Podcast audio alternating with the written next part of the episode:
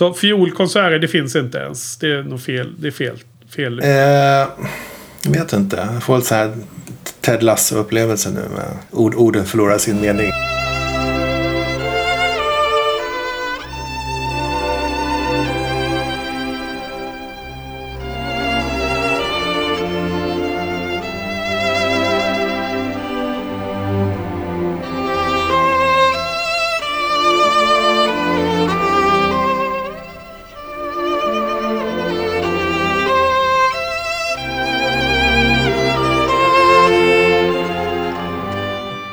Välkomna till Rapporter från Apokalypsen. Och det är den tjugonde rapporten. Och nu är det med Henke och Frans. Så välkommen tillbaks Frans. Och välkommen tillbaks till rapporterna. Tack så mycket. Ja, vad trevligt att, att se dig här igen i, eh, på skärmen eh, i, i poddning. Uh, för vi har ju en liten paus i Bond-poddningen i säsong 8. Så nu är det åter till rapporterna och åter till den underbara världen med klassisk musik. Så berätta vad vi ska hitta på idag. Ja, jättekul att vara tillbaka. Uh, jag tänkte vi kunde prata om uh, violinkonserter kanske. Ja, det låter jättespännande, verkligen. Ja. Vi har pratat om de tre om tre berömda kompositörer och eh, när vi pratar om Beethoven framförallt så pratar vi en del om hans violinkonsert. Så ja. Det kändes som vi sådde fröet där till att kanske behandla det ämnet lite vidare. Sannerligen, jag är jättenyfiken på detta och väldigt kul att få en annorlunda dimension då. Där att vi har många olika kompositörer att prata om idag. Eh, men, men istället så är den gemensamma nämnaren eh, violinkonserten. Så det ska bli en spännande resa. Mm. Precis, precis. Jag tänkte att vi kanske skulle börja med att gå igenom spannet av violinkonserter som har varit under de senaste 300 åren. Jag tror den första kom precis sekelskiftet 1600-1700-talet. Den, den äldsta som man känner till i alla fall. Innan dess hade man ju ofta sångkonserter som kallades för kantator. Alltså det var orkester och sång som hade sång som var solostämman. Ja. Och sen så utvecklades väl det till att ersätta sångrösten med, eh, med ett soloinstrument. Då. Och då, då pratar man ofta om sonatform. Där, okay. där sonat kommer från ordet sonare som betyder att ljuda eller, men också att spela ett instrument. Så att istället för kantata där någon sjunger så har man sonata där någon spelar. Och den, den formen den används väldigt ofta i solokonserter i den första satsen. Så en, en klassisk solokonsert är uppbyggd med en stor första sats i klassisk sonatform och sen så har man en andra sats som är någon lite långsammare smäktande vacker melodi. Och sen en pampig snabb final. Okej. Okay. Men den, den första satsen är ofta väldigt strukturerad och strukturen är ofta då som sagt den klassiska sonatformen som vi pratade lite grann om i en tidigare podcast. Men där, där man börjar med att eh, visa upp ett, ett tema, kanske en enkel melodisnutt eller någonting som orkestern demonstrerar först, kallas för exposition och sen så kommer, kommer solinstrumentet in och antingen spelar spela temat själv eller tillsammans med orkestern så att man har en andra exposition där soloinstrumentet är med. Och sen så gör man en, eh, en slags utveckling av det här temat där solinstrumentet ofta spelar en dominant roll. Tar ut svängarna. Och sen så har man en rekapitulation, alltså man går tillbaka till det första temat och eh, liksom knyter ihop ja. allting. Och i samband, i samband med det så har eh, soloinstrumentet väldigt ofta en improvisation som förvillande nog kallas för kadens. För kadens betyder också någonting helt annat. Ja, okej. Okay. Det är det som själva solopartiet. Precis, och, och, och som eh, samma sak som i pop och jazz, att de här solopartierna, de, från början kanske de var improviserade, men med tiden så har de blivit mer och mer väl repeterade. Ja. Och idag spelar man oftast någon klassisk berömd violinists solo snarare än något man har kommit på själv. Jaha. Återanvänds alltså? Ja, precis. Att det står ofta, när, på konsertprogrammet så står det oftast vems solo som spelas i kadensen. Det kan vara någon, någon från, någon från 1800-talet. Okej. Okay. Och eh, samma, på samma sätt som eh, inom, den, eh, inom pop, pop och jazzmusiken så, började, när, när man, så i, i något läge så började solisterna ta ut svängarna mer och mer så att eh, både publik och kompositörer blev, började tröttna på det här med långa, långa Okay, ja. så, tänker sig sådana här långa, tio minuters trumsolon ungefär på hårdrockkonserter och lite liknande. Ja, ja, just det. Mm. Men, men eh, vi, befinner oss i början på 1700-talet och kanske den första riktigt kända eh, violinkonserten från början 1700-talet, 1717, är väl Vivaldis De fyra årstiderna. Just det, den känner man ju till. Och eh, jag tänkte vi kunde lyssna på um, hösten kanske. Okej, okay, men då lyssnar vi på den nu då. Ja.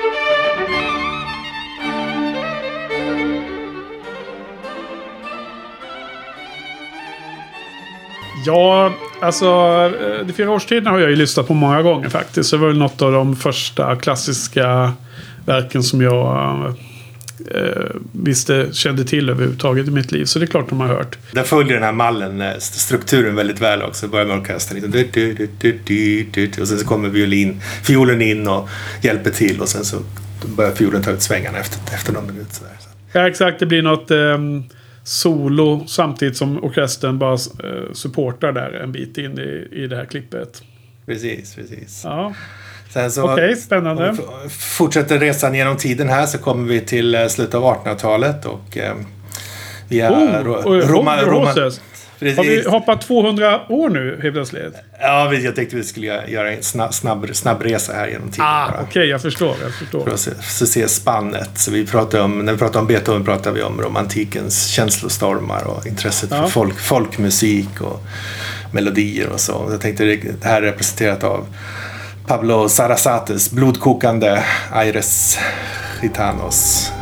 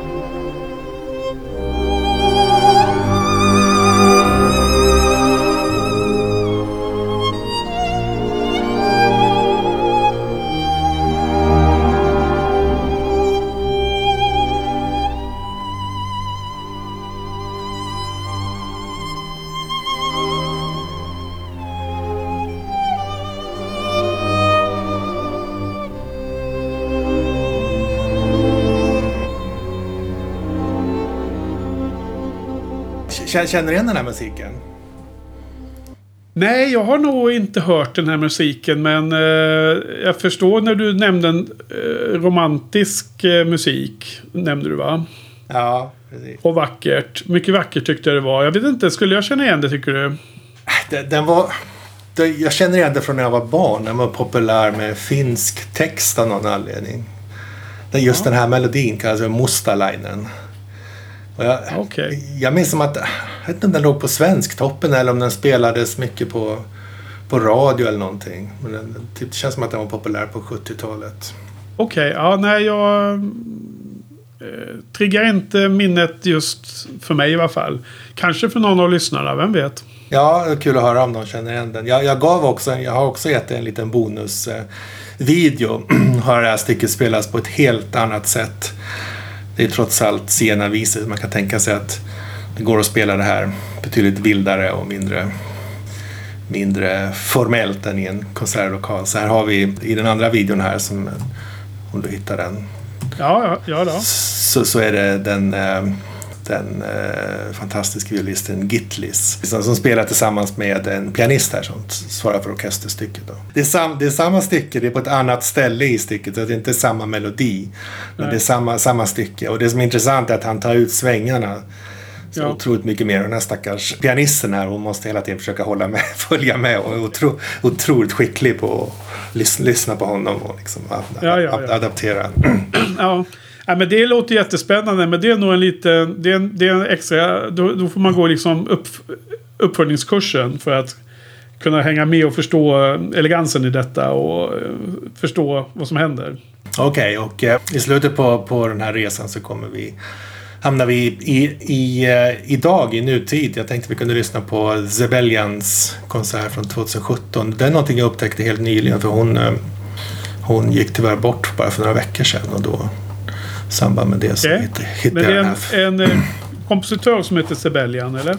Precis. Att här, här har vi någonting helt annat. Introvert, drömvilt, vild, vild musik. Så det liksom inte finns några klassiska harmonier eller någon klassisk form. Och det är knappt någon melodi men eh, den har en musik som ändå har en förmåga att tränga in i hjärtat och skapa bilder och tankar.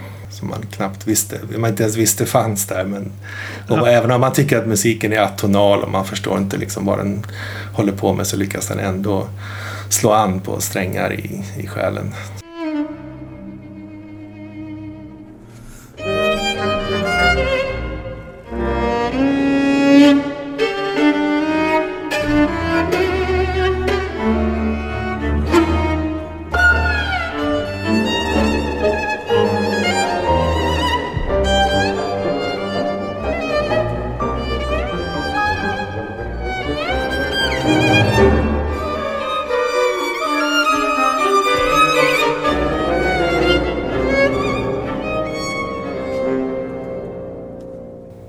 Jag, jag, ser, ser på ditt kroppsspråk att den musik som även, även påverkar dig.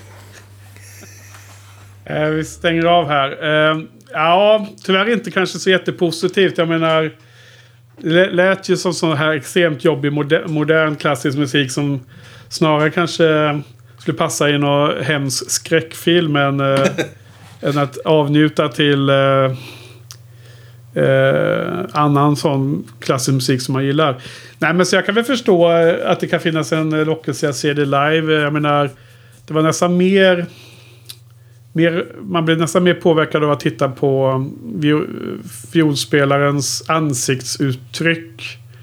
Och att eh, strängen börjar liksom eh, disintegrera och bör, det börjar hänga så här fragment av, av stråkens sträng eh, löst och sådär lite som... Eh, ja, man tänker att han har liksom gjort sönder den.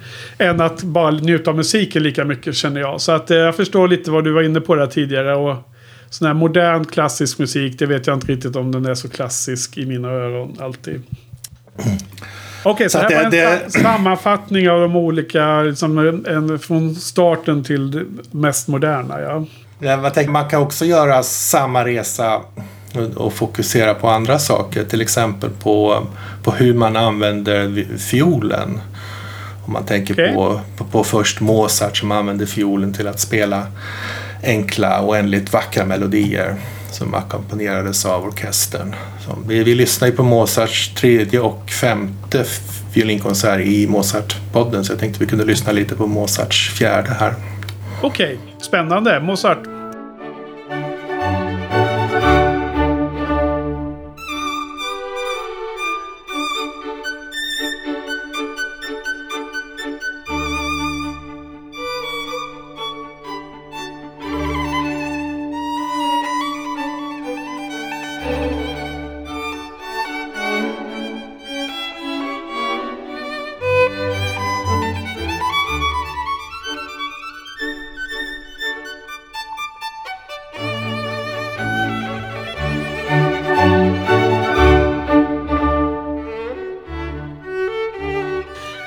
Två tankar här direkt. Eh, först då är det bara att konstatera hur eh, otroligt eh, starkt minne man har till filmen Amadeus. För att så fort man hör den här typen av musik så kan man nästan se scenerna från filmen i huvudet.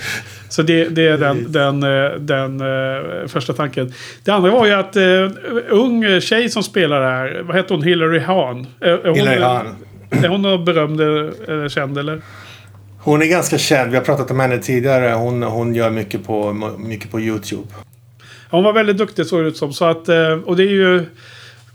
Vilken stor skillnad det var mot ljudklippet innan där då. Så det, är ju, det känns som att man kommit eh, många år bakåt i tiden. Så att, ja, precis. Okej, okay, men äh, sen under 1800-talet så vi har kompositörer som Paganini som äh, använde violinist fiolen till att göra extremt, spela extremt virtuost. På, på, ja. gränsen, på gränsen till vad som var, var möjligt. Men det finns väl en anekdot där om Paganini att han hade en sjukdom, Marfans syndrom. Ja, precis. Så han hade extra långa fingrar. Är det något du också känner till eller?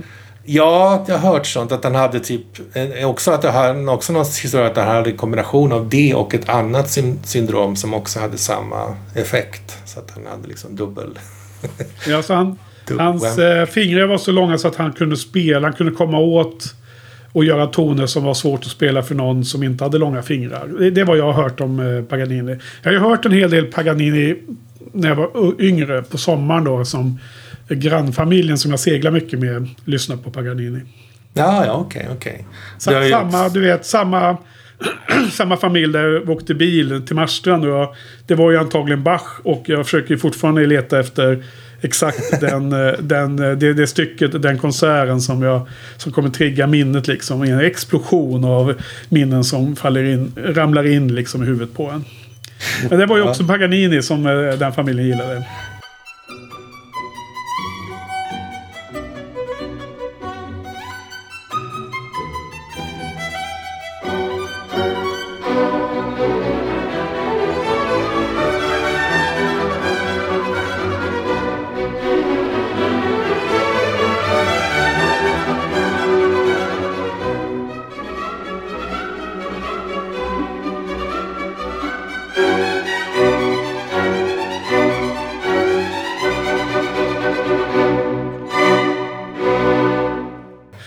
Ja men det här har jag hört tidigare i mitt liv. Och eh, det, jag tycker det är eh, häftig typ av eh, fiolljud. Fiol, fiol, eh, typ av fiolmusik. Ja, precis. Han var väl typ en, den första stora typ rockstjärnan. Va? Han åkte runt och spelade. Alltså var han det? Ja, han åkte runt och sålde, sålde konserter och sådär.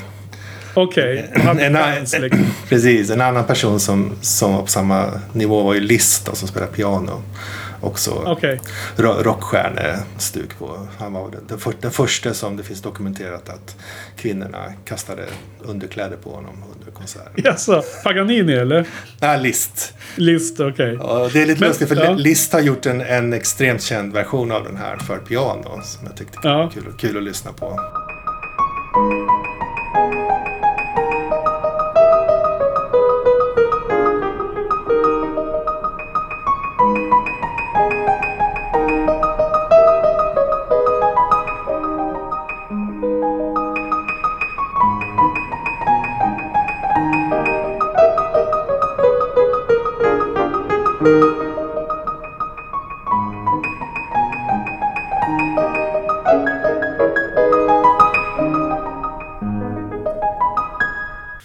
Liksom återanvänt då? Eller, eller är det här... Hur definieras det här? Är det här fortfarande Paganini-musik eller är det listmusik? Det är listmusik efter, efter en... Tror man säger efter en melodi av Paganini eller något sånt där. Efter okay. tem, tema av Paganini. Som du kommer ihåg så gillar jag ju pianomusik och i olika sammanhang. Eh, och pianokonserter och annat som som du har eh, visat och pratat om. Men i det här fallet så var jag nog mer förtjust i den här eh, som det känns som extremt svåra eh, fiolstycket liksom. Ja, nej, men det är kul. Det är betryggande. Ja. Han, har skrivit han har också skrivit de här 24 capriccia, 24 solo virtuosa solostycken för, för fiol. Där, där det sista är väldigt känt. Där, där också finns en en eh, pianoversion av Rachmaninoff i det här fallet som, som kanske är ännu mer känd än hans, än Paganinis ursprung. Okej. Okay. Men alltså, det du spelar från Paganini, det var fortfarande en fiolkonsert. Men det du nämnde nu var något annat ju. Ja, precis. Det var solo. Jag måste bara sortera in här när det gäller eh, avsnittets tema som är fiolkonserter. Eller vi, violinkonserter, eller vad skulle det heta egentligen? Jag tror man brukar säga violinkonserter oftare. Ja. Så fiolkonserter, det finns inte ens. Det är nog fel. Det är fel. fel. Eh, jag vet inte. Jag får så här Ted Lasso-upplevelse nu. Men man inte, ord, orden förlorar sin mening. Ja, okay, ja. jag kan inte avgöra. Det kanske är jättevanligt men jag har svårt att ja. avgöra det just Låt oss försöka kalla det violinkonsert. Precis. Och eh, i slutet på den resan då i, eh, i hur man använder fiolen så har vi eh, till exempel Prokofjevs första pianokonsert, eller fiol, violinkonsert. Jag sa nästan ja. fiolkonsert. Ja. Ja. så där han lekfullt utforskar alla, alla tänkbara sätt att få, få ljud ur en, ur en fiol. Vilken, eh, vad ligger han i, i kalendern då? Vilken, eh, vilket år var han verksam? Det, här, det är under Stalin. Ja, det är 1900-tal. Precis.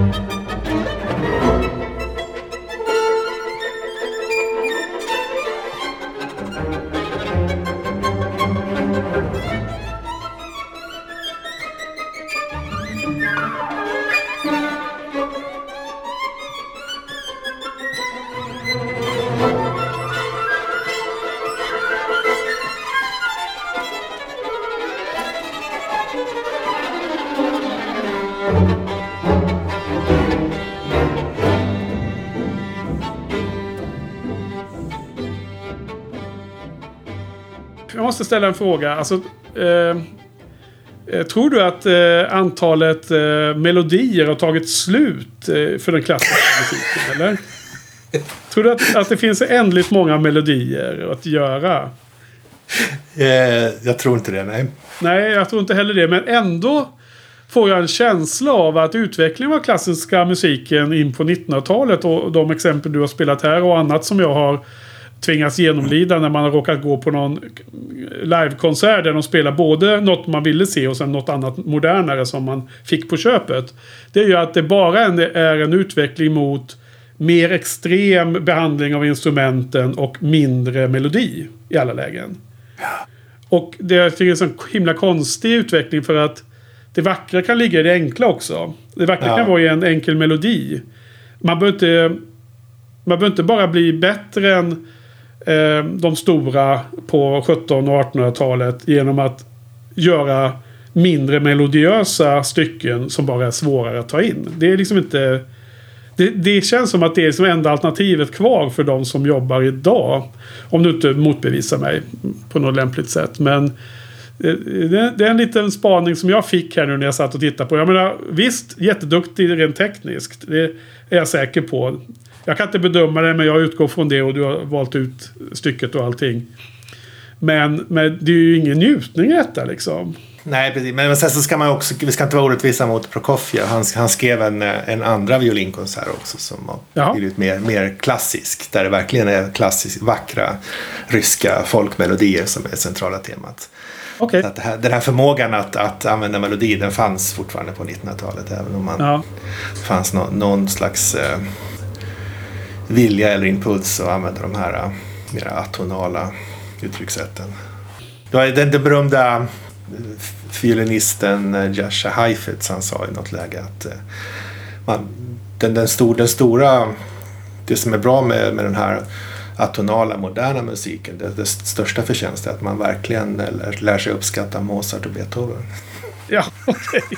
Se där. Så jag var inte helt fel ute då. då. Nej, precis. Ja, vad skönt att höra. Ja. Okej, okay, men, men låt oss börja om. Låt oss göra samma, samma resa igen men att fokusera på tonalitet. Eh, är det en tredje dimension nu alltså? Precis, nu pratar vi om tonalitet. Alltså med tonalitet inom musiken så menar man förmågan att ehm, eller tendensen att hålla sig till en grundton. Man ser ofta att ett stycke spelas i D-dur eller C-dur eller A-moll eller någonting. Så. Du vet, det är lite lustigt för vi pratar ofta om tonalitet när vi eh, beskriver filmer. Precis, så det här är först, den första podcasten där jag får säga ordet tonalitet. Ja, jag, jag gillar det. Jag, jag, jag välkomnar det. Öppna armar. Give it to us. Precis, att här, vi börjar med det klassiska. Jag tycker Bach är ett bra exempel på det. Där det verkligen handlar om att, att hålla sig till, till en grundtonart. Att göra harmoniska utsvägningar kring det och sen så ta sig tillbaka på ett regelstyrt sätt. Ja. För fiol fanns ju i varje fall när han höll på. Även om inte pianot fanns. Precis, precis. Precis. Så att vi Ska kan vi väl lyssna på, på något av Bach nu då? Ja, vi lyssnar på hans äh, underbara A-mollkonsert igen. Vi lyssnade på den tidigare men det... Ja, okej. det är nog värt att lyssna om så inga problem. Då, då lyssnar vi.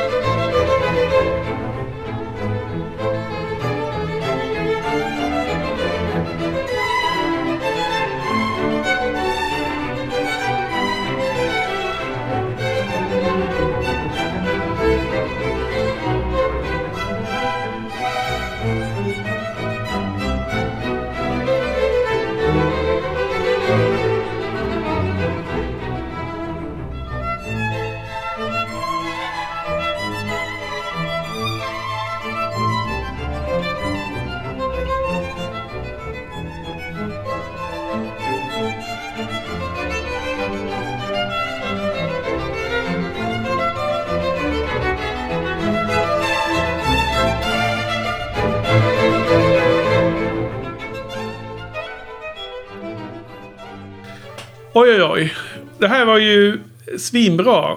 Nu är bara frågan här Frans. Är det bara för att vi hörde på det ganska nyligen när vi poddade om Bach? Och i, eh, efterbehandlingen efter behandlingen av det när jag har eh, lyssnat in mig på det som du tipsade om och så. Jag gjorde ju det inför kommande avsnitt. Eller är det bara för att det här är mycket bättre? Av sig själv liksom. Jag vet att det är en kombination här. Jag menar, varför kan ingen göra sån här musik på 1900-talet? Det är ju en väldigt stor fråga. Det är ett mysterium ju. Ja. Men eh, sen har ju såklart att när man hör om klassisk musik så blir det bara bättre och bättre. Det är ju extremt tydligt. Tycker jag. Precis. Min egen erfarenhet. Men det är Eh, väl... är det någonting som du gillar mycket eller var det bara ur, eh, ur den eh, pedagogiska aspekten som du tog med det? Nej, nej, jag gillar jättemycket. Okej, så det var Bach. Väldigt, väldigt eh, väl strukturerat kring, kring en, en grundton. Vi, lite senare i historien så, prat, så har vi ju exempel som, som Dvorak som fokuserar mer på, på själva musikets eh, ursprung och dess kvaliteter snarare än, eh, än det tonala kanske. Men det är fortfarande, det är fortfarande tonal musik. Även här i A-moll. Jag vi lyssna på det? Mm.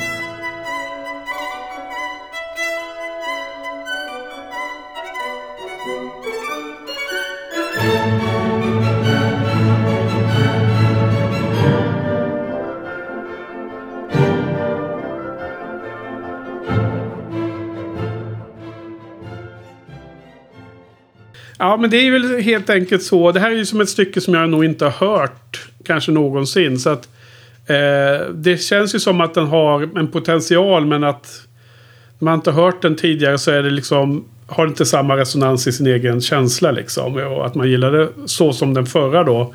Som var Bach och som jag hade hört eh, bevisligen eftersom vi hade den på förra podden. Ja. Eh, det är lite intressant här. Eh, otroligt vackra harpor. Såg du det? De, de två. Vackra Bara- utse- utseendet ja. Ja. Väldigt vackra. eh, De stod ju där oanvända. Det var med i klippet. Eh, om man klickar på i show notes så är ju eh, länkar till de här eh, klippen som vi tittar på. Så att man, man hör musiken på podden men man måste gå in på show notes för att se klippen. Eh, men jag, jag, liksom, jag får känslan av att det är någon sån här musik som man typiskt spelar på nyår eller såna här konserter eller jag börjar tänka på Wien eller något sånt där. Jag vet inte vad är det för någon är det någon slags era det här som man ska känna till? Vad är det för något? Var i, var i kalendern är vi? Slutet eh, 1800-talet va?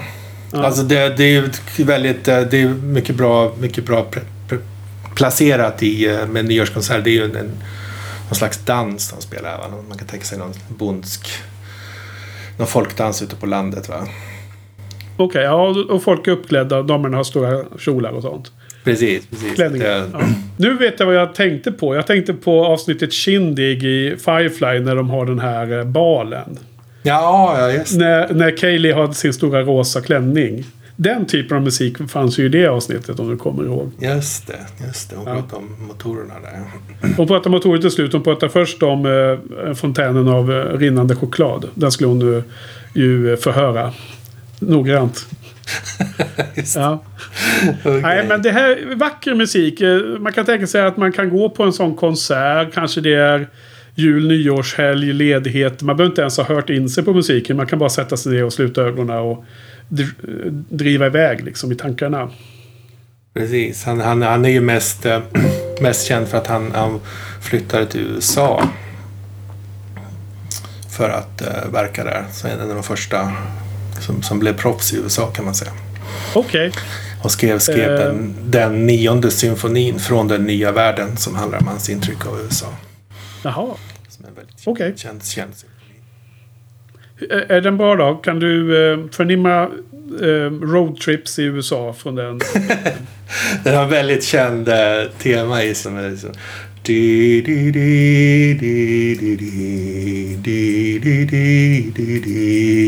Det låter som att han har varit väldigt påverkad av båtresan över. Jag fick vibbar av att det var någon form av maritimt tema i det du sjöng. Det kanske, kanske är något som har spelats under någon någon, eh, någon episk båtfärd i någon film. Ja, Kan vara. sig. Okej. Dvořáks nionde symfon symfoni Den nya världen. Från den nya världen, ja, precis. Från den nya världen. Okej. Väl värt en, en lyssning. Chan Chan. Ja. Precis. Okej, vi fortsätter resan eh, till eh, Saint-Saëns som... som Resan inom tonaliteten går nu till vad då? Till, till Frankrike, im- impressionismen också 1800-talet, där man fokuserar mer på färger och rör, precis som inom målningen, man fokuserar mer på färger och rörelser. Och man liksom, det är början till upplösningen av den klassiska tonaliteten. Eh, Låter som att det blir tråkigare på något sätt, eller? Får bedöma, låt oss lyssna, kan du bedöma? Okej. Då lyssnar vi. Vem var, vem var kompositören? Sa vi det? Saint-Saëns. Jag vet inte hur man uttalar. Jag har- Aldrig hört namnet. Men det var franskt sa du. Ja, han är ju känd, mest känd för det här um, djurens karneval, va? Som du säkert har hört någon gång. Ja. Låt oss titta här då.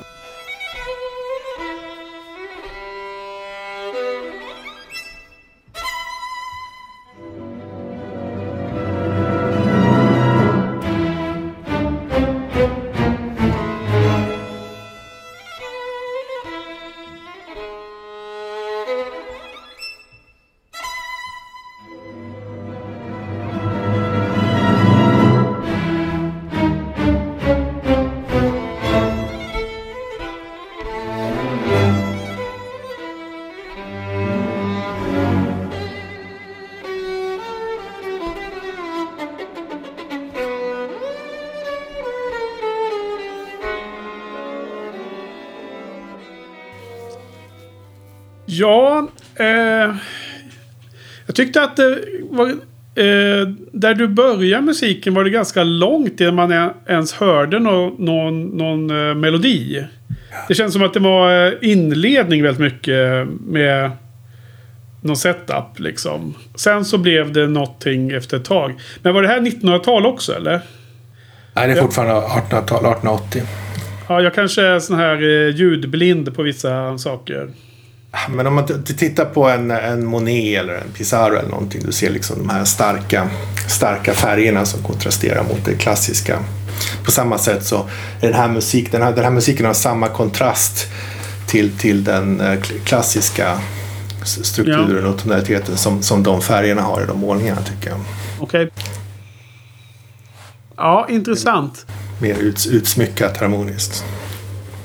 Igen så är det ju liksom en helt annan sak att bedöma huruvida de är bra eller inte på att eh, spela instrumentet. Men nu, jag bedömer ju nästan en, bara liksom eh, upp min, eh, min njutning eller upplevelse eller eh, vad, vad man tycker om det då. På något sätt känns det som att det var ett halvsteg in i 1900-talet i mitt huvud. Ja, ja men det är bra. Bra uppfattat. Ja, Jag hoppas verkligen att alla jag har valt är bra på att spela instrumentet. Det, det tror jag. Ja men precis. Jag, menar, men det, jag bara tänker att när man har liksom en, eh, med en negativ upplevelse så är det ju liksom... Det betyder ju inte att man menar att spelaren är dåligt och det är väl det som jag känner att, eh, att eh, måste poängtera då. Alltså du måste vara, bara att spela sista, sista stolen i en fiol och violinorkester måste du vara ofattbart bra för. Ja. Och, så- och sen så skalan upp genom hela orkestern och till att vara solo. Det är liksom där de är så, det går inte ens att föreställa sig hur bra de är de här som spelar solo. Ja, enligt, eh, enligt eh, alla konstens regler att bedöma sånt. Men jag menar man kan ju själv... ehm, Okej, det, det är inte tekniskt speleri utan det är också spelstil jag menar. Att jag, kan, jag, kan, eh, jag kan bedöma... Man kan ha olika eh, uppskattningar av olika spelstilar då, om man säger så. Då. Och de, de kan ju vara vär, vär, värda för andra lyssnare. Jag kan tycka att det där är jättebra stil. Det är precis med popmusiken också. Men jag har ju vissa ge- genrer som man inte gillar. Det betyder ju ingenting om att de inte är kanske världens bästa band i den genren. Liksom. Det, där, det, där, det är kanske det mer jag menar. Jag förstår att de är duktiga i någon mening. Eh, men sen måste det såklart finnas andra. Det måste finnas något sätt att, att veta att uppleva att en pianist är bättre än en annan pianist. Även om båda är jätteduktiga för att få vara med på YouTube liksom. Jo, jo självklart. Eller vara med på sådana här inspelade konserter med massor med publik och stora eh, sammanhang som sen hamnar på YouTube. Jag menar inte privata amatörklipp på YouTube kan ju förstås finnas. Det var det var inte så jag menar. Jag menar de här som du har tagit med. Jag förstår att alla är duktiga. Men ah, ja, nog om det. Jag tror att lyssnarna förstår. Ja, och eh, i slutet på den resan så har vi eh, så har vi den så kallade tolvtonstekniken där man medvetet går in för att alla, alla tonerna i den västerländska skalan ska ha samma, samma vikt. Det får man, man får inte föredra någon ton framför någon annan. Så det, ett Okej. s- de, de, de gjorde framförallt Schönberg som var, som eh, var instrumental utvecklare här. gjorde ett regelverk som var säkert lika tungt som eh, det regelverket man hade inom barocken som Bach och de andra hade. Men, men här, här var fokus på att ta avstånd till det tonala på alla sätt. Vad sa du? Schrödinger? Eller? Schönberg. Okej, jag tänk, tänkte att det var... Det var så superavancerat att det till och med var inom fysikens värld. Nej, det var inte Schrödinger. Jag vet inte om han hade någon katt, Schönberg. Ja, antagligen hade han ätit upp den. Ska vi lyssna på detta eller? Den lär vara död nu i så fall. Eh, ja, vi, vi lyssnar på Bartok tycker jag. Har, jag har tagit precis när hon spelar en sån, en sån tolv, melodislinga som är, följer tolvtons-regelverket. Här. Så du får vara noga med att lyssna från början. Okej, då, då lyssnar jag noggrant från början.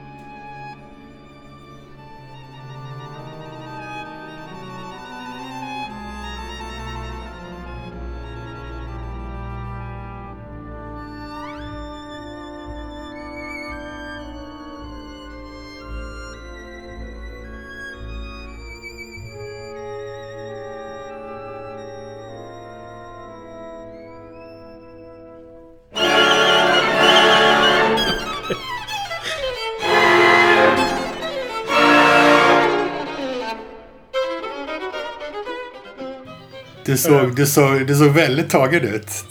Oj, oj, okej. Eh, Hoppas du spelade så långt att den här eh, ljudhöjningen eh, chockade eh, poddens lyssnare lika mycket som mig. För att jag höjde och höjde ljudet här när det var den här trevande inledningen. Ja, alltså det här är ju 1900-tal igen inser jag ju nu då. Jag tycker det är helt kast alltså. Det, fasen, det här är inte min typ av musik. Och jag slog mig av, av faktiskt en tanke här att de som gör den bästa klassiska musiken på 1900-talet är ju eh, de som skriver musik till film och tv-serier. Okej, intressant. Nästan alltid eh, framförd av, eller inte alltid men ofta framförd av eh, orkestrar, med, alltså symfoniorkestrar ju. Eh, av de här stora klassiska. Eh, till Star Wars allihopa. Det, det är ju gjort. gör, görs av sådana. Och där är det liksom de här enklare melodierna som får ta plats på en helt annat sätt. Och sen har de ju massor med stycken som då ska vara passa till scen scener. Så de kan ju vara då hur, hur eh, fragmentariska eller eh, eh, aggressiva eller inte då. Men jag tänker på de här kända filmthemes som, man, som återkommer. Det kan vara ett annat exempel. Harry Potter, det finns ju olika Hedwigs theme och så vidare. Va? Den här kända slingan och så. Det, det är ju mer jämförbart med äldre klassisk musik än vad modern klassisk musik är jämförbart med äldre klassisk musik. Vill jag nu hävda. Okej, okay. Okay. Har jag, nu har jag bara spenderat en halv minut på att fundera på detta. Så in the spur of the moment så för jag fram denna tes. Ja, här är en intressant tes. Också ett podcast, podcastavsnitt kanske. Ja, vem vet. Okej, okay, ja det var eh, spännande. Det är högt och lågt här känns det som. Inom varje dimension. Ja, alltså det är intressant för att man har medveten, alltså det, det som är den tonala musiken, där utnyttjar man ju intervall framförallt som, som är på, av någon anledning njutbara för det mänskliga örat. Alltså intervall där kvoten mellan två, två toner är, ja. är, är, så små heltal som möjligt kan man säga. Mm. Alltså i, i tolvtonsmusiken så sky, skyr man den typen av struktur eller den, den typen av intervall som, som elden. Det var för övrigt det som var med i eh, Hanna Frys första del om eh, matematiken. Eh, som jag nämnde i en av mina topp tre eh, tidigare här i, i Bond-säsongen. Så eh, hon pratar om de grejerna. Kan man titta på det avsnittet som jag har länkat till i ett tidigare avsnitt. Eh, och eh, lära sig mer om det. Okej, okay, okej, okay, intressant. Men nu, nu känns det som att vi har fått en äh, ganska bra uppfattning om hur violinkonserten har utvecklats under de senaste 300 åren tycker jag. Både, både i, med, med form, med hur man har använt fiolen och hur man har förhållit sig till harmoni och uh, tonalitet. Så det känns som att vi skulle kunna fokusera lite mer nu på vad som är de, de riktigt stora, eller i alla fall för mig är de riktigt stora konserterna. Ja, finns... men det låter ju spännande. Alltså, för det var en av de sakerna jag bad dig om att vi också skulle få någon form av vilka är de bästa liksom av den store Frans? Din åsikt. Är, är, det något sånt vi får nu? Får vi, en, får vi en topplista till och med? Eller vad är det vi pratar om? Du, får, du kommer, jag kommer aldrig att gå med på att göra en topplista. Men det blir på något sätt implicit blir det ju lite grann av en lista. Okej. Okay. På vilket sätt menar du? Ja, det, det är ju ett begränsat urval. Jag kommer inte att sortera dem i någon speciell ordning. Har... Nej, okej. Okay. Utan det är, alla dessa är de top of the line, crème de la crème av uh, violinkonserter som du presenterar nu, eller? Precis. Jag har inte, det är inte så att den bästa är sist. Ja, men de är ju något, på något sätt sorterade i någon slags ordning som jag tyckte kändes bra att prata om dem. Men det, men det, är, okay. inte någon, det är inte någon slags personlig brahetsordning. Det är bara något som kändes naturligt. Liksom. Ja, men det låter som ett bra val. Men så får jag avkräva dig i slutet av podden att du ändå säger vilken som är din favorit av alla. Det måste du kunna klämma ur dig.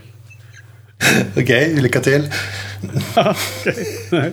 men men in, in, innan vi kommer dit så måste, finns det även ett stort antal som man måste nämna. Och det här är då konserter som är typ... Det är som filmer som är fyra eller fem av fem. Man, man liksom, om, om de spelas någonstans dit man kan komma med tåg och det finns ett hotell så är det självklart att köpa biljett. Men, Men det är alltså... Ska du lista de som är precis eh, grupp två nu? Nästa ja, gruppen? Ja, ja, precis. Det här, det här är liksom eh, fantastiska konserter som man absolut ska göra sig, anstränga sig för att se när de, när de ja. går. Men, men, det är liksom ändå inte de, de personliga absoluta favoriterna för mig. Okej. Okay. Wow. Vi det här antyder, om, äh, antyder, att det finns många favoriter om man slår ihop de här två eh, grupperna.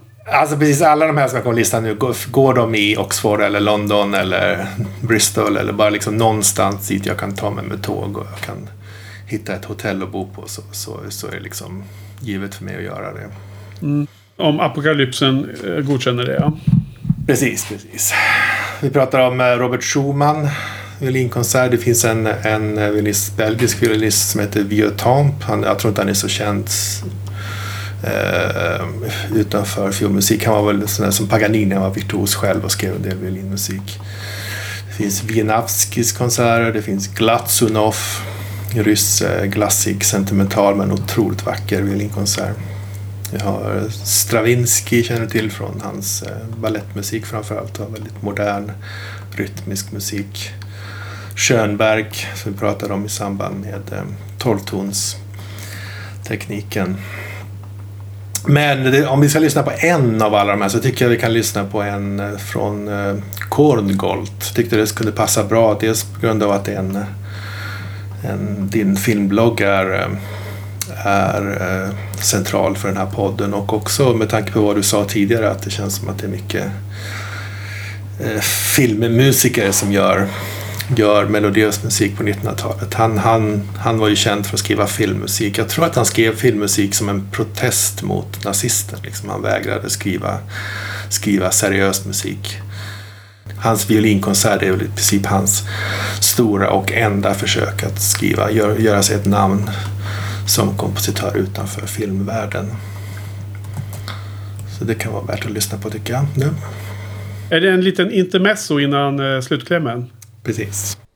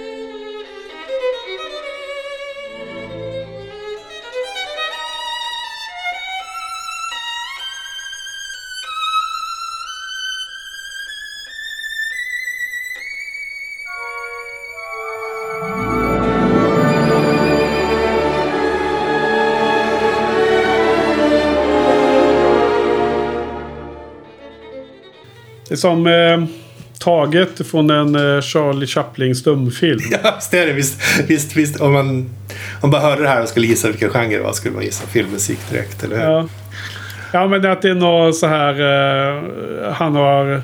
Det är någon sån supersorglig scen. Eh, han har eh, separerats från den lilla pojken eller något sånt där i The Kid. Eller han har, han har lämnat eh, den numera seende blomförsäljerskan i eh, City Lights eller något sånt där. Och går iväg. The, the Tramp ensam och nedbruten som vanligt. Men eh, så låt oss prata om de, eh, de stora. Det känns som att vi har liksom greppat violinkonserter som koncept och hur den har utvecklats under tiderna på alla möjliga sätt. Vi har lyssnat lite på Korngold som ett exempel på en, en av alla möjliga, alla fantastiska violinkonserter som inte tar sig in i den sista i det sista urvalet här. Mm. Så varför inte börja med Beethoven som jag pratat om tidigare. Den första riktigt stora romantiska violinkonserten när man gick från det här klassiska mindre formatet till det extremt storslagna. Hur, får man fråga redan nu hur många, många som är med i den här gruppen? För lyssnarnas skull? Eh, Eller, att, eller ska det vara hemligt? eh, jag är inte helt säker, men jag tror att det är typ nio. Ja, okej. Nio stycken. Eh, eh, the Big Nine pratar vi om här nu då. De nio eh, eh, vålnaderna. De svarta ryttarna. Precis. precis. Om du Mm. kommer ihåg när, när vi lyssnade på Beethoven på den här violinkonserten under podden med Beethoven, då lyssnade vi på den temat från den första satsen var det här.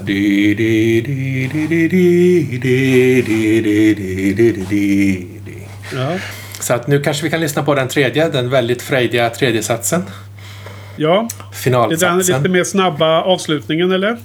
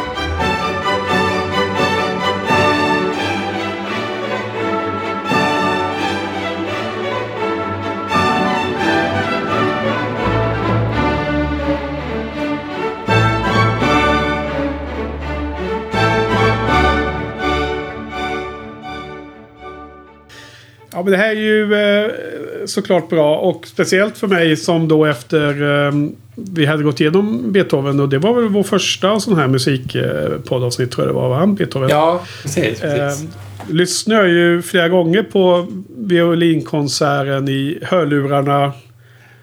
Från den, någon av de skivorna som var med i boxen där då. Och, eh, man går ju ut och in ur medvetet tillstånd när man sitter i en skön fåtölj med hörlurar och lyssnar. Så det är ju liksom musiken kommer in i ens undermedvetna på ett eh, finurligt sätt. Eh, så jag känner igen det här mycket. ja, mycket det är vackert. bra. Mycket vackert. Visst är det en härlig melodi? Ja. Det, det är liksom så, så långt avstånd till de här 1900-tals exemplen som du har eh, förevisat ikväll. Så man kan komma nästan. Precis.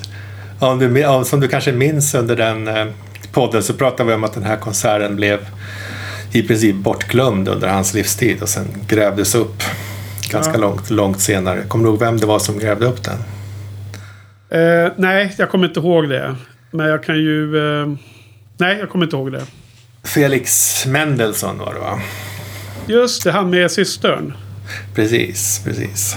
Han, han var en klassisk kompositör fångad i en romantisk era. All hans musik är tekniskt perfekt. Okej. Och, men den är liksom, eh, den är inte riktigt eh, klassisk och den är inte riktigt romantisk. Och trots att den är tekniskt perfekt så är det liksom, det är sällan man lyssnar på Mendelssohn och får de här känslo, känslostormarna. Det, liksom, saknar Beethovens ilska eller Mozarts innerlighet eller Bachs känsla, beskrivningar av det mänskliga tillståndet. Så det, det är någonting som, tycker jag i alla fall, lite, lite grann saknas där. Ja, på tal om vad jag försökte prata om tidigare ikväll. Eh, med de där eh, skillnaden på att vara tekniskt duktig och, och det. Just det, som, som violinist i det fallet. Ja. Ja. Precis. Ja. Men det är ändå lustigt för att eh, om man tittar lite på vad som spelas live i Stockholm på Konserthuset eller på eh, Berwaldhallen så tycker jag att hans namn kommer upp ofta. Mendelssohn. Så det verkar ändå ganska populärt att framföra. Ja, Det är väldigt trevliga, hans symfonier, den skotska och den italienska. Ja, Och ett av de mest spelade verken är väl hans bröllopsmarsch som spelas på de flesta bröllop. okej. Ja. Nej men eh, spelas han, eh, spelar hans eh, verk mycket i London också eller? Ah, inte jättemycket. Det är inte, inte de senaste åren i alla fall. Okej. Det här Mendelssohns violinkonsert, det var min allra, allra första riktiga upplevelse av klassisk musik. Jag skulle tro att jag var 12-årsåldern första gången jag hörde den. Så det var första gången jag verkligen abs fullständigt absorberades av, av klassisk musik när jag hörde den här första gången. Jag minns Vad var det? fortfarande Göteborg eller? Nej, det var hemma i Malmköping i vardagsrummet. Okej. Jag minns fortfarande den här känslan av att bli alldeles... Jag upptäckte en helt ny värld som verkade så oändligt stor och ogenomtränglig. Och varje gång man lyssnade så var det någonting helt nytt man hörde. Liksom. Ja. Det, alltså det, det finns en speciell sorts känsla när man går och ser den här live och det står en ung violinist står på scenen och är beredd. Och, och precis innan det börjar, hon står alldeles, eller han, alldeles ens, ensamt utlämnad, publiken blir tyst. Och dirigenten höjer handen och man väntar på det här orkesterinledningen som kan få solisten att liksom långsamt ta sig in i, i stämningen. Men istället så kommer det en, en och en halv, ett och ett halvt, eh, en och en halv takt. Ett, ett ensamt ackord på, på uh, klarinett och fagott och sen direkt kastas violinisten in med en otroligt vacker smäktande Okej, melodi. de, de kastas in i, i den djupa änden av swimmingpoolen.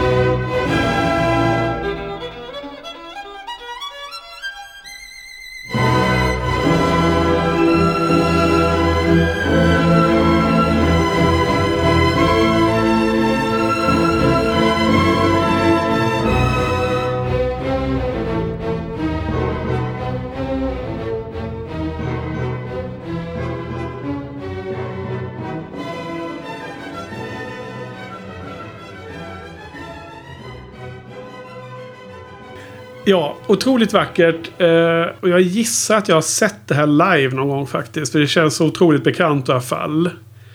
Det är mycket Eh. möjligt att jag, att jag har dragit med dig på någon, någon gång när man har spelat den här. Ja, jag giss, men jag tänker också att eh, när jag gick på konter- Konserthuset då innan jag slutade gå där på grund av att det var så jävla usel logistik. Så att det kan ha varit någon av dem.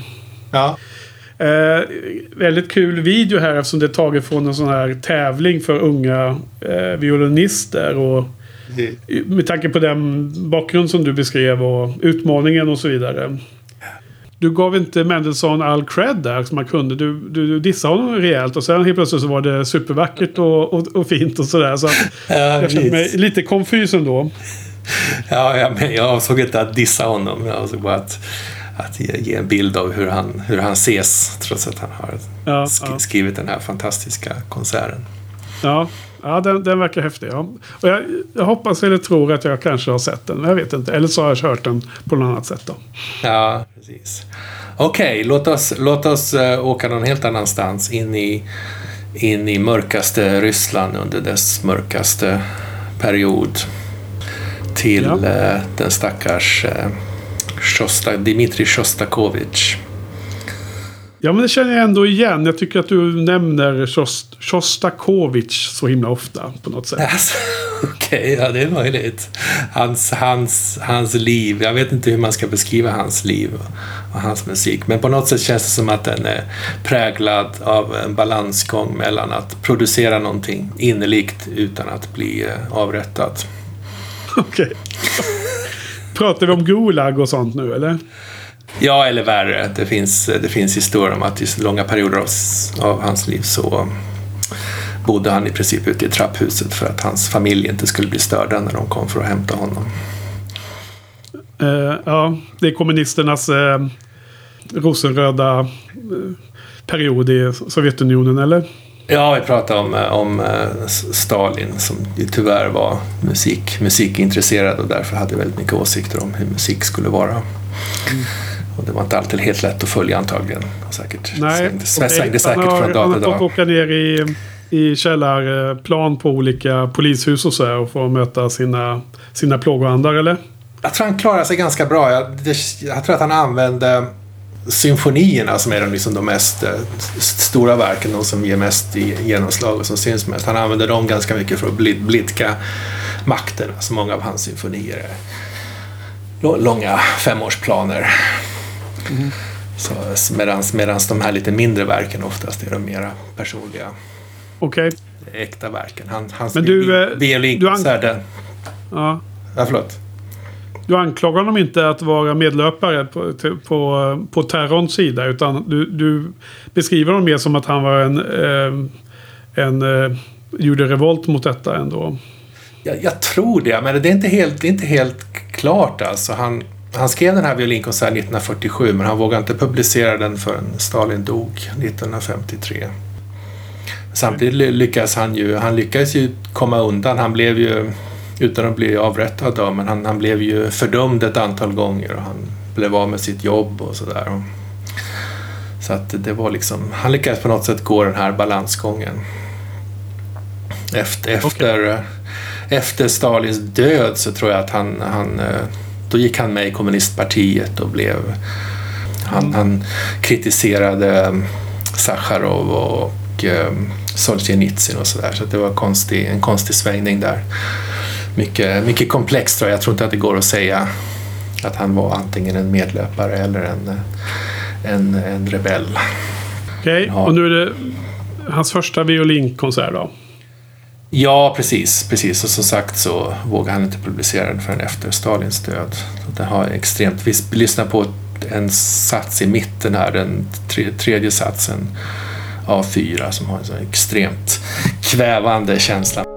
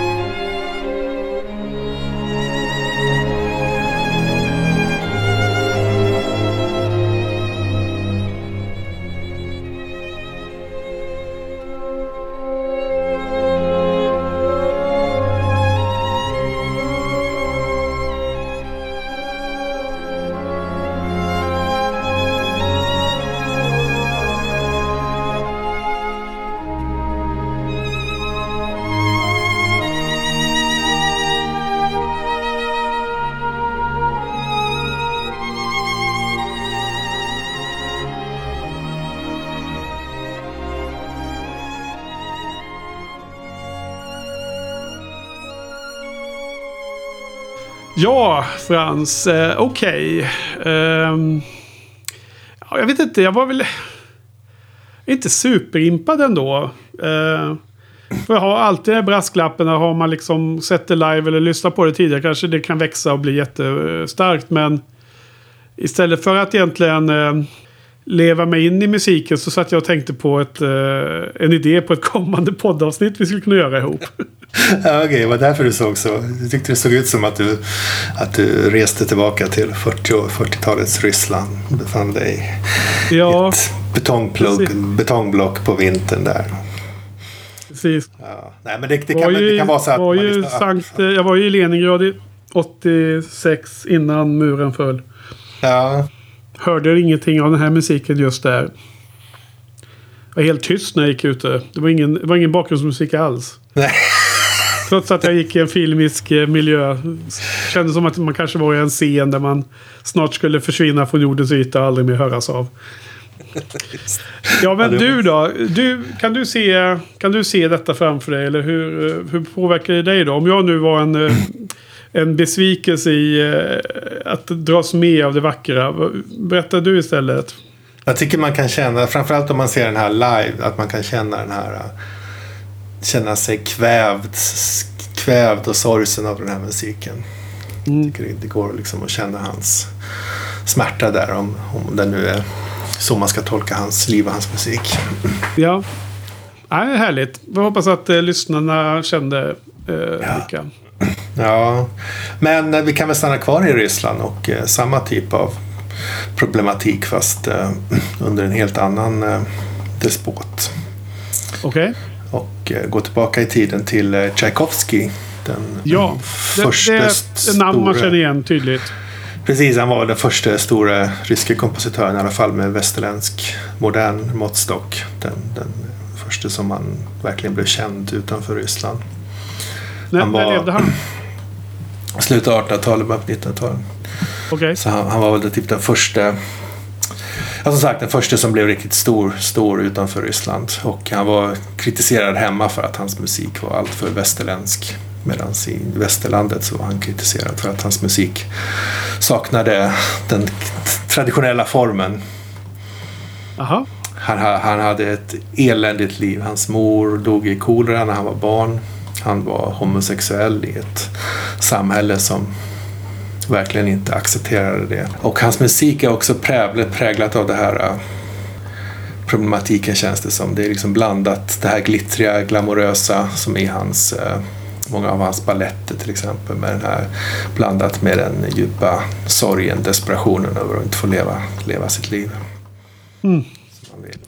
Vilka är hans kända balletter och det då?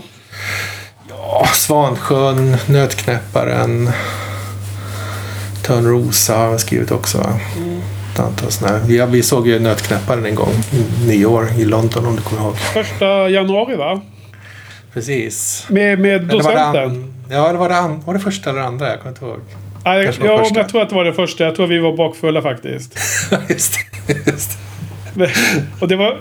Igen var det så här svintrångt i, mellan raderna. Att man inte fick plats med knäna. Trots att man är, liksom mm, kortare än eh, medellängd på... Jag är bara Ja, precis. Det var en sån där jä, 77. jättegammal western-teater. Ja. Precis. Men visst var Anders med? Anders var med och Shaban var med, precis. Ja, just det. Okej. Precis. Ehm, Hans, och, eh, men hans musik är framförallt fylld av ofantligt vackra melodier och inte minst hans violinkonsert. Ja.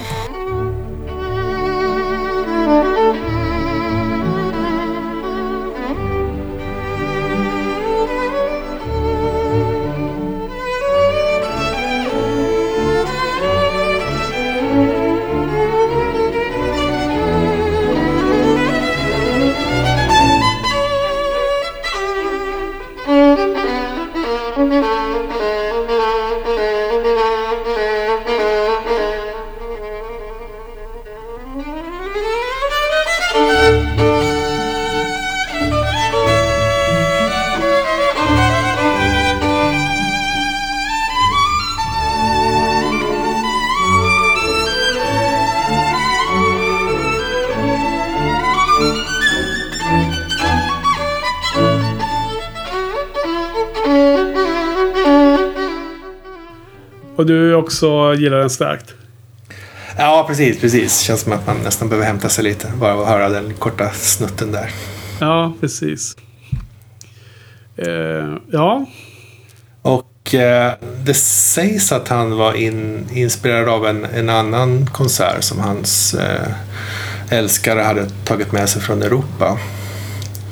Nämligen eh, Lalos hetlevrade blodkokande Symphony Espanol. Jag vet inte varför han kallar den för en symfoni. Det är en, en ren eh, violinkonsert. Okej. Det här var någonting som Är jag också... experterna överens om det eller? Eh, ja, det tror jag. Det tror jag. Ja. Det här var också musik som jag var betagen av under tonåren. Tidiga 20-talet. Jag, Mm. Så det är romantiskt som tusan nu då? Ja, Det är väldigt het spansk musik. Jag var mycket, mycket inne på spansk musik där när jag var yngre. Och jag Okej. lyssnade på, tittade på Carmen och all spansk eh, gitarrmusik och sådär. Mm. Den, här, den här hade premiär i princip samtidigt med Carmen, typ med, inom några dagar före eller efter. Och eh, varje gång jag hör den här så känns det som att man tar sig tillbaka till alla resor i Spanien med tåg och cykel genom Mm. så Andalusien. Det är mycket eh, självbiografiskt med, eh, med, de, med de rötterna. Då förstår man att det kan bli starka minnen som kommer tillbaks.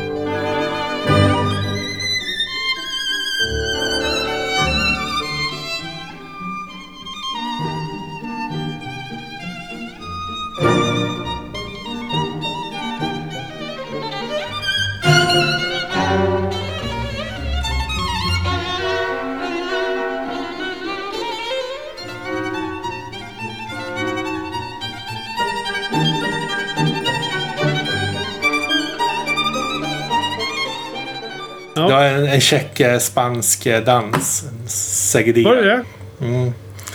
Jag valde, valde den just för att vi pratade om Carmen och det finns en Segedilla även i Carmen som är väldigt, väldigt lik. Vilket är Ja. lustigt i och med att de hade premiär inom några dagar och Carmen skrev, skrevs av en fransman. Jag undrar om inte Lalo befann sig i Paris när han skrev den här kanske. Menar du att de har fuskat på något sätt eller?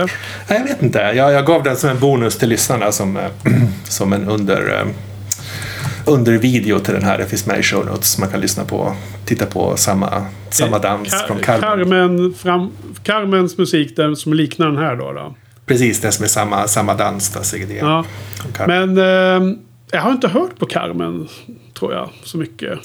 Man känner igen liksom eh, vissa, det, det finns någon känd passage och sånt där. Men, men jag har liksom inte eh, konsumerat hela, eh, vad är det, en opera eller vad är det, operett eller ballett eller vad är det?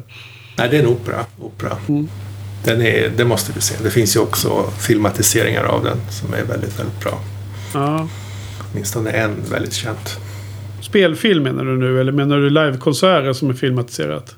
Nej, spelfilm. Ja. Du menar att eh, den här filmen om Carmen ska övertrumfa Ryan Reynolds-filmerna som jag tittar på nu? Ja, det kanske kommer på Ja. Bak... Kanske. bak eh, vad säger man på svenska? Bak... Bak... eh, Bak... Ved, vedklumpen. Vad sa du? Bak, backlog. Bakvedträd. Ja, just det. Ska ligga på den långa listan som aldrig kommer att ta slut. Precis. Okej, okej. Låt oss, eh, låt oss eh, fortsätta vår resa. Ja, Alban Berg skrev en violinkonsert 1935. Det var hans allra sista verk faktiskt. Och den är hette han Anton Berg verkligen? Alban. Ja, för annars så tänker man på någon slags choklad. jag hoppas att jag sa Alban. jag, jag kanske var, det kanske var subliminalt. Jag kanske var, Det kanske är mitt så sockersug som gjorde att jag hörde fel. Ja. någon, någon av oss var helt klart chokladsugen där. Ja. Den, den är dedicerad till minnet av en enkel och, ängel och man tror att det är eh, Alma Mahlers dotter Manons. Hon, hon dog i polio som tonåring precis innan han började skriva konserten. Okej. Och, eh, när det gäller den här konserten, den här konserten, den vet jag att du har hört. Jag, jag har speciellt minne av den här konserten. Vi satt och spelade bridge hemma i min lägenhet i Stockholm för länge sedan. Och du, du och jag spelade tillsammans. Och du hade ett svårt kontrakt. Jag såg hur du blev mer och mer... Du blev mer och mer sorgsen och liksom okoncentrerad. Och liksom, man såg hur dina tankar bara flöt iväg och till slut så insåg jag att det var Alban Bergs violinkonsert som påverkade dig så mycket att du inte kunde fokusera på spelet. Du, du, tvungen du, du, byta musik. du fick slänga dig på skivspelaren och stänga av eller? Ja, jag bytte med fjärrkontrollen och sen så, sen så satte jag på den igen när motståndarna blev Ja, spelförare. Lyckas jag slå bara de rätta maskarna eller gjorde jag fel? Ja, jo precis. Man såg att så fort byt, musiken byttes där så blev det Ja. mer, mer fokus på spelet. Helt plötsligt insåg jag. Stati- eh, eh, procenten var 49-51. Jag måste slå masken ändå. precis. Jag har även, även ett annat minne av den här. äh, Bara för några år sedan faktiskt såg jag den i London. Och eh, satt bredvid en, en äldre dam. Så efter, efter konserten så frågade jag henne vad hon, om hon hade njutit av konserten. Och sa, "Eh, s- så sentimentalt smörja, sa hon om den här violinkonserten. Ja, Så låt oss lyssna. Den, börjar väldigt intressant med att fiolen bara spelar de öppna strängarna upp och ner. Det låter som att man tror nästan att hon står och stämmer. Typ. ja okej. Ja,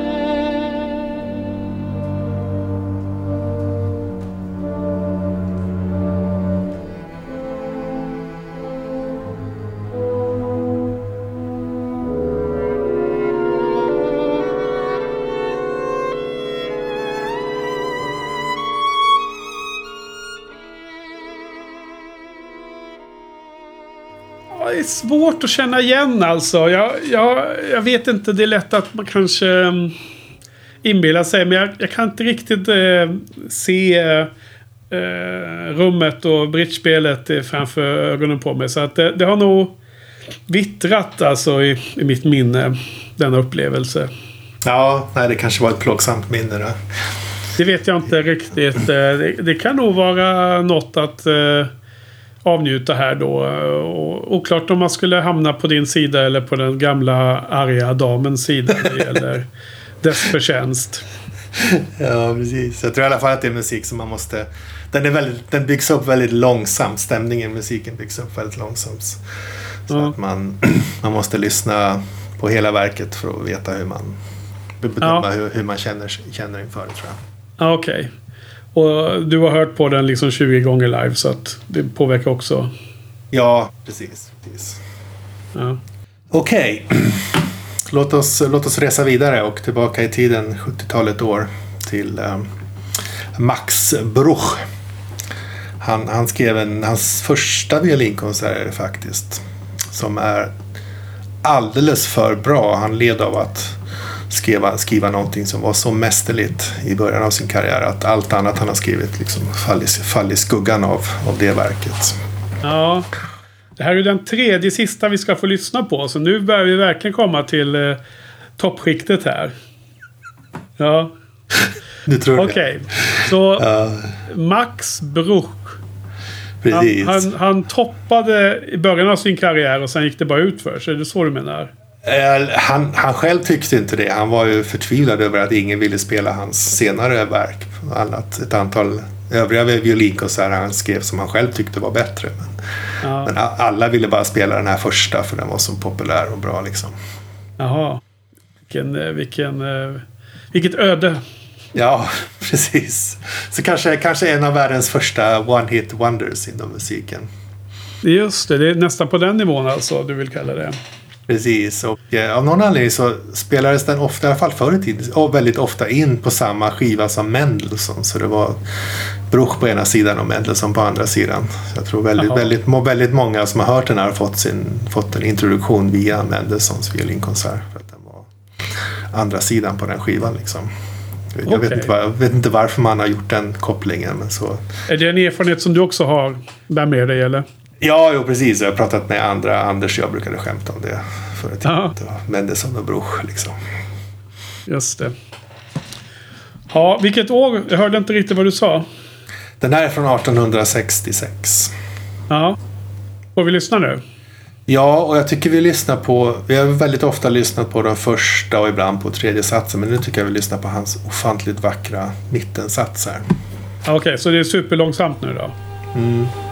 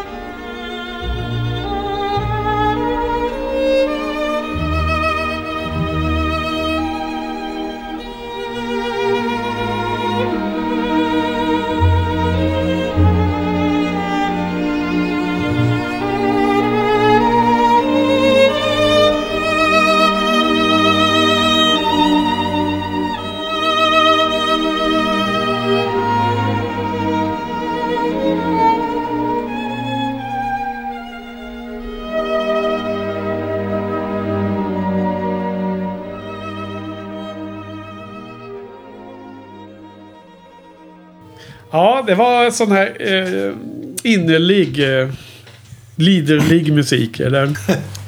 Ja, visst är det du? vackert. Ja, visst är det vackert, vackert. Och hans, den sista, sista satsen är väldigt, väldigt pampig. Det är lite av en acquired taste att gilla de här eh, violinkonserterna börjar få en känsla av att... Eh, jag menar av de här tre vi har pratat om tidigare så är ju jag... Sen den tiden har gått så har jag nästan bara lyssnat på Beethoven faktiskt. Ja, Han har en stor eh, bredd, och, men det är mycket symfonierna alltså. Eh, Det är väldigt Ja. annorlunda känns det som. Att de här... eh, Det här solinstrumentet kräver att man verkligen är väldigt intresserad av det. Som lyssnare. att för varje, varje violinkonsert som man tycker om ökar ens livskvalitet så pass mycket att det är värt, det är värt insatsen att lyssna i alla fall på de här sista nio. Ja. och se om det är någon man hittar som man verkligen tycker om. Bra. Du, eh, du, du kan eh, ha en alternativ karriär som säljare här, låter det som. Sure. Ja.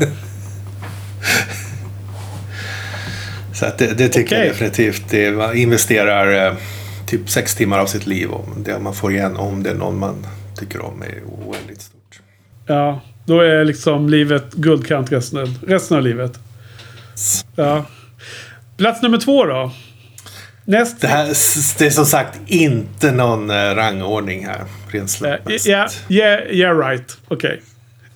Inte inom fnuttar här. Rangordning. Okej, vad har vi på näst sista ljudexemplet då? Vi pratar eh, Johannes Brahms. Det Ja. kanske, han, hans violinkonsert. Väl, kanske vi ser den av Beethoven den, den allra mest mäktiga, storslagna av alla violinkonserter. Jaha. Och den är extremt svår tekniskt. Den var på gränsen till att den gick att spela när den gavs ut.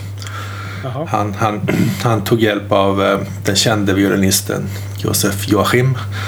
En av 1800-talets mest kända violinister. Och eh, för att, för att försäkra sig om att den ens gick att spela. Eh, åtminstone av en, av en expert. Ja. Gick det någon spelare då? Ja, precis. Men jag tror att han gjort några små, små förändringar så att det gick att spela. Okej. Okay. Men är det någon som klarar av att spela nu för tiden? Ja, nu för tiden har ju folk en helt annan. Men nu för tiden börjar folk spela violin från när de är typ innan de kan prata ens. Innan de är födda, eller vad sa du? Innan de, innan de kan prata knappt. Liksom. Ja. Det börjar väldigt unga. Extremt. Det ska tränas hårt. Ja, precis. Mm.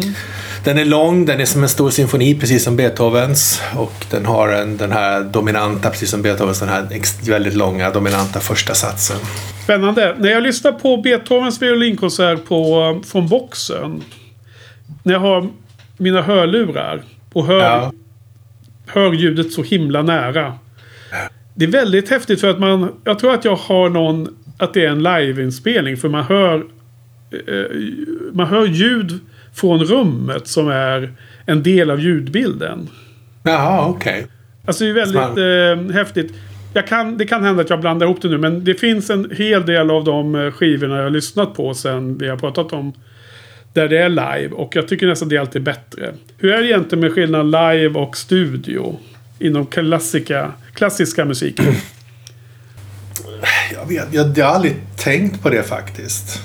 Jag vet inte ens hur fördelningen är om det är mest liveinspelning eller mest studioinspelning. Kan man ens spela in i studio? När man spelar in i studio då är det en eh, konserthall fast utan publik. Är det så eller? Ja, precis. Jag tycker bara det låter som att det är väldigt mäckigt. Det måste vara väldigt dyrt att göra det. Och, och inte få, få publikinkomster också. Ja. Men, men jag, okay, jag, jag är säker men är på att det, det alltid live? Det är ju inte alltid live. Så. Nej, nej, nej. Jag, jag, är säker på att det förekommer att man spelar i studio. Men jag har inte alls någon koll på proportionerna där. Om det är mer, mer av det ena eller det andra. Jag har aldrig faktiskt tänkt på den. Nej, jag, jag har inte riktigt eh, efterforskat det här. Men, och jag har inte liksom eh, noggrant eh, kollat och räknat och så. Men det känns som att det när man hör liveupptagningar där det är liksom mer eh, ljud i andra ljud i ljudbilden så blir det en annan känsla. Det är, det är en, eh, en tes. Jag vet inte om den är bevisad ännu. Ja, nej, men jag tror att det stämmer. Och ganska ofta när man går på konsert så säger de liksom innan att det här spelas in. Ja. För, för. Ja, herregud. Jag menar bara på Sveriges Radio. De har ju massor med livesändningar från Berwaldhallen då. Med Radiosymfonikerna och går på ett P2 en viss tid och sådär. Så att... Ja. Mm. Okej, okay, då ska vi alltså... Uh, för att det här med Brahms känns ju som ett uh, household name när det gäller klassisk musik. Så det var ju härligt att vi får in uh, honom här också.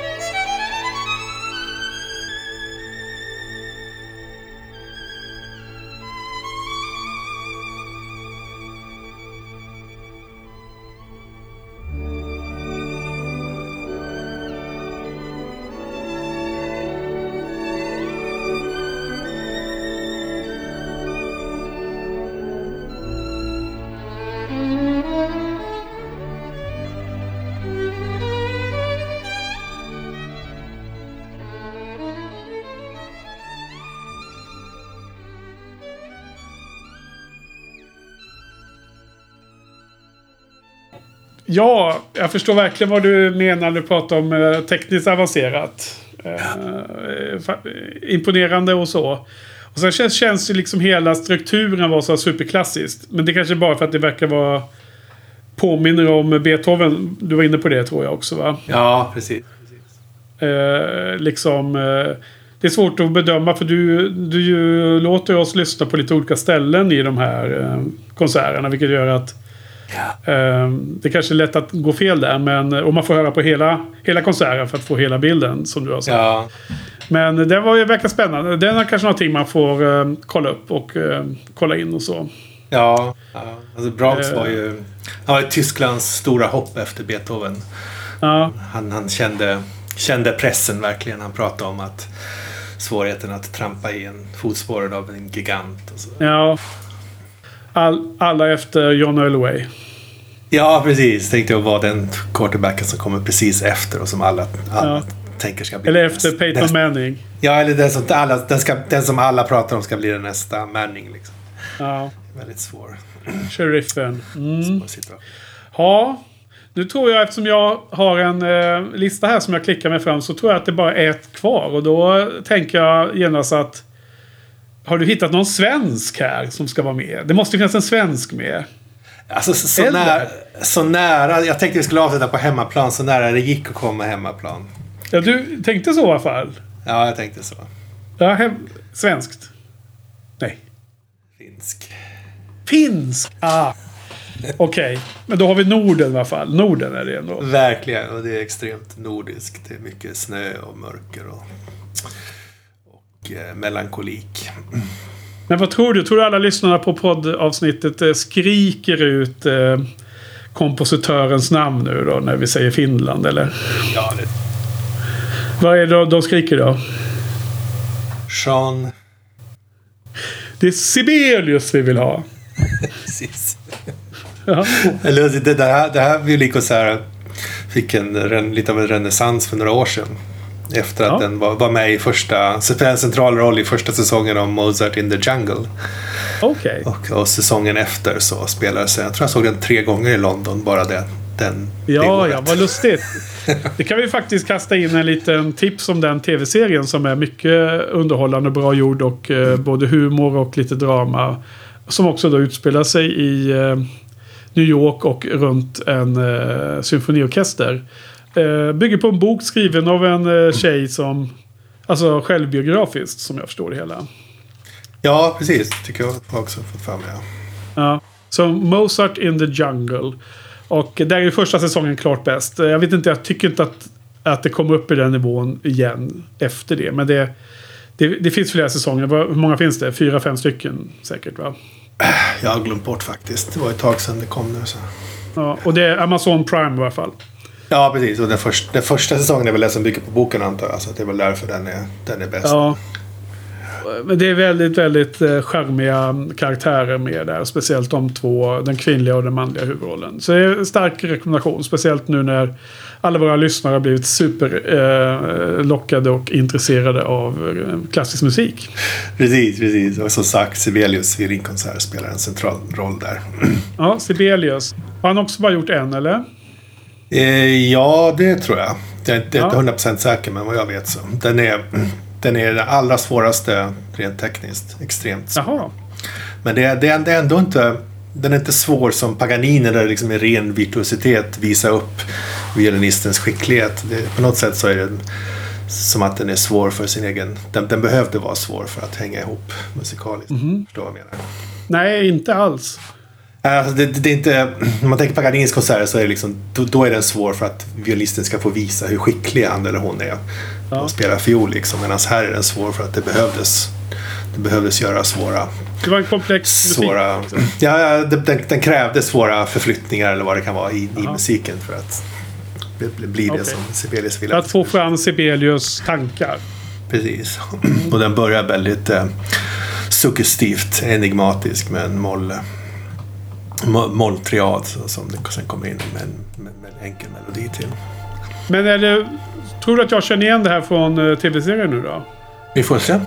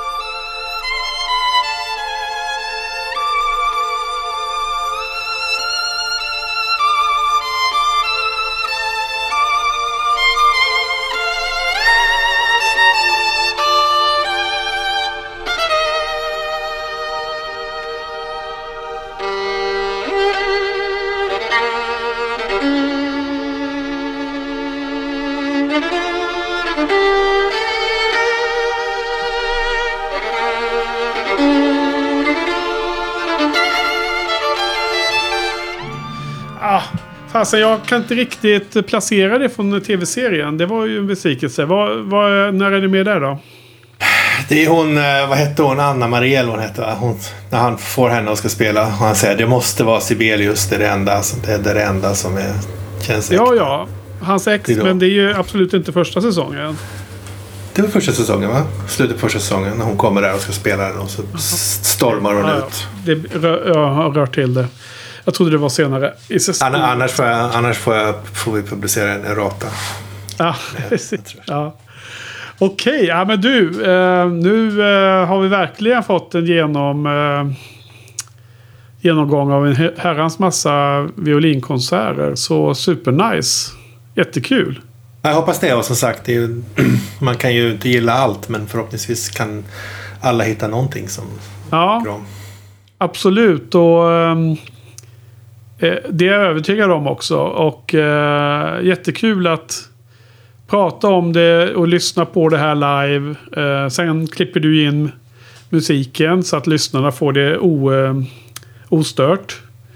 Eh, jättekul koncept. Och eh, stort tack alltså. Jag vet inte om du har några avslutande ord eller något sånt där. Några förmaningar till lyssnarna. Några förhållningsorder. Nej, egentligen inte. Jag hoppas, att som sagt att eh, jag tror att det är här, i ekapolypsen så, apokalypsen så kan man behöva saker Ja. som får en, får en att tänka positiva, stora tankar. Ja, och med, precis. med, med, och- musik fyller väl ofta den rollen. Så att förhoppningsvis finns det någonting i det här utbudet som kan locka till det. njuta av musik här i livet så länge man eh, har, har livet kvar. Det är nog en bra, ett bra råd. Okej, men du, eh, stort tack Frans för allt det här förarbetet och allt jobb i, med klippning och annat. Eh, stort, stort tack och jättekul. Eh, och här finns det flera frön som man kan följa upp och titta vidare på. Och Vi, vi tipsar om eh, show notes för att se eh, klippen från YouTube med, eh, från konserterna som vi också har lyssnat på. Samt den Spotify-lista där du då har lagt upp alla kompletta konserterna. Så man kan gå in och eh, stega sig fram till den man vill lyssna på komplett då. Precis. Om man inte vågar ha det på stora boxar hemma och så. Ja, precis. Men har, har man hemma så är det väl... Spotify har ju inte något jättebra utbud. Så att om man har, har en inspelning hemma så är det ganska stor chans att den är Ja. bättre än vad som finns där. Spotify håller på med något sunk i MP3 och så också. Men det, det kan ju funka om man hör, hör det via mobilen i alla fall. Ja, det, Ja. Finns ju, det finns ju en ny tjänst nu som är som Spotify för klassisk musik som heter Primephonic. Men jag gjorde ingen spellista där för jag tror att det är inte så många som har den. Nej. den. Eh, streamar de hög, hög, högupplöst musik som är bättre än MP3 eller? Ja, precis. De har bättre urval och framförallt bättre sökmöjligheter. Och de förstår Ja. liksom hur, hur klassisk musik funkar. Så man söker får man vettiga, vettiga träffar på Spotify. Just det. Helt, helt slumpmässigt. Jag förstår de här olika taggarna och, och kategorierna. Det är kompositör och det är orkester och det är dirigent och det är solist. Så. Men du, eh, lägg gärna upp en länk på det. På den tjänsten om någon skulle vara nyfiken. Ja, okej. kan jag. Ja. Eh, stort tack Frans. Och eh, med det så var det här ett liten, eh, en liten eh, eh, nygammalt här med rapporterna som kom in här när vi hade en halvtidspaus i Bondvärlden. Och nästa vecka så får vi se om vi, om vi stöter på något annat från rapporterna. Och sen får vi se hur många veckor det dröjer innan Bond kommer tillbaks. Det, är, eh, eh det är, står eh, skrivet i stjärnorna men vi har inte riktigt kunnat avkoda det ännu. Så att när det kommer så kommer det på eh, den vanliga eh, strömmen ut för poddlyssnarna. Så tack för idag Frans, jättekul. Jättestort tack och eh, vi säger eh, tack till publiken också. Och sen återkommer vi inom kort.